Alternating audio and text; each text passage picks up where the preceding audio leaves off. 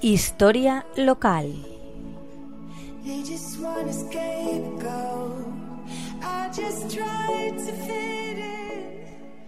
Buenas tardes, amigas y amigos de la Tegua Radio.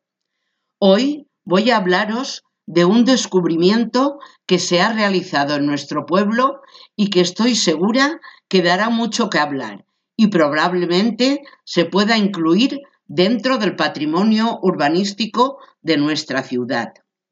La Tegua Radio tiene el honor de presentar este descubrimiento, las caras del agua, les cares de agua en valenciano, que le ha llegado a través de la información de un paisano, Ángel López Guerrero, que se ha puesto en contacto con nosotras para hacernos partícipes de su descubrimiento y valorar si podía ser de interés. Ángel tiene muchas inquietudes culturales, escribe, toca la dulzaina y ahora investiga este patrimonio del que nos ha hecho partícipes. Claro que es de interés, así nos pareció a Elia y a mí, que nos pusimos también manos a la obra para seguir buscando más caras en las tuberías de Monóvar, datándolas, fotografiándolas e investigando y buscando toda la información que pudiera haber sobre las mismas. Dichas caras del agua son símbolos que se incorporaban en las tuberías de las bajantes del agua de las casas. Representaban las caras de querubines, ninfas o estrellas de cinco puntas.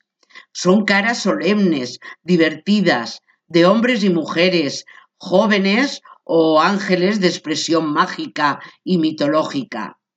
En otros pueblos de la provincia de Alicante y de la comunidad valenciana se han podido datar hasta 40 caras diferentes. Son de finales del siglo XIX y principios del siglo XX.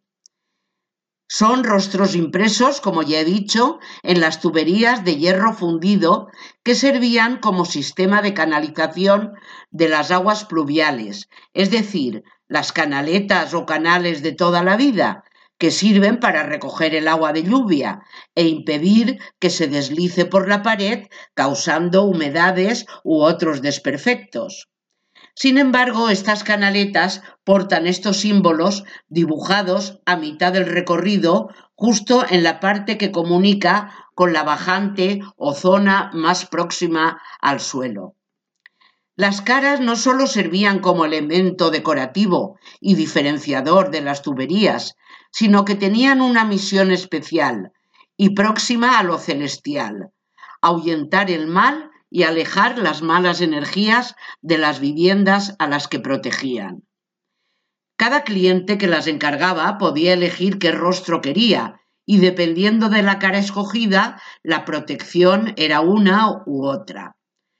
Las fundiciones de hierro de finales del siglo XIX y XX tienen un papel fundamental en esta historia, ya que eran las encargadas de diseñarlas, razón por la que en algunos canalones el nombre de la compañía a la que pertenecían sustituía a las populares y ya olvidadas caras del agua. Sánchez La Madrid cuenta que aunque estos símbolos se extendieron por las tuberías de toda España, lo cierto es que su origen se encuentra en las primeras fundiciones de la comunidad valenciana. El cronista oficial de Sisona, Bernardo Garrigós, eh, se ha dedicado a recoger información sobre cada una de las 317 canales con su boca decorada con relieve que ha encontrado en 30 calles de su ciudad, la mayoría, la mayoría de ellas situadas en el casco antiguo, a excepción de 12 ejemplares que están situados en calles edificadas hasta finales de los años 60. Nos hemos puesto en contacto con él para que nos asesorara sobre el tema. La simbología de las caras del agua está relacionada con las antiguas gárgolas francesas, guardianas de las catedrales y otros templos religiosos.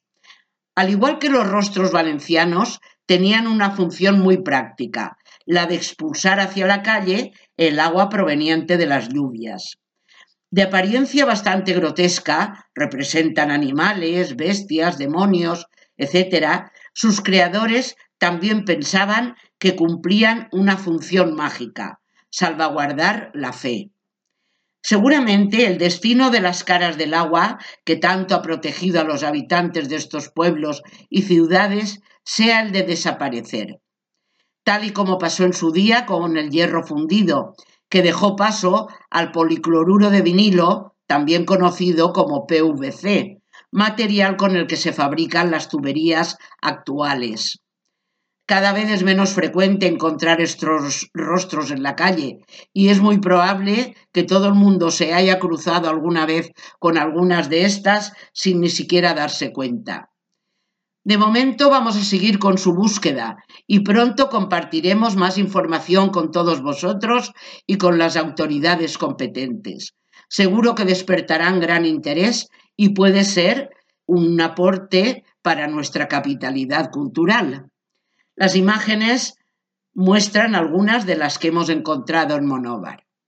Pues hasta la semana que viene, amigos y amigas, un saludo muy cordial.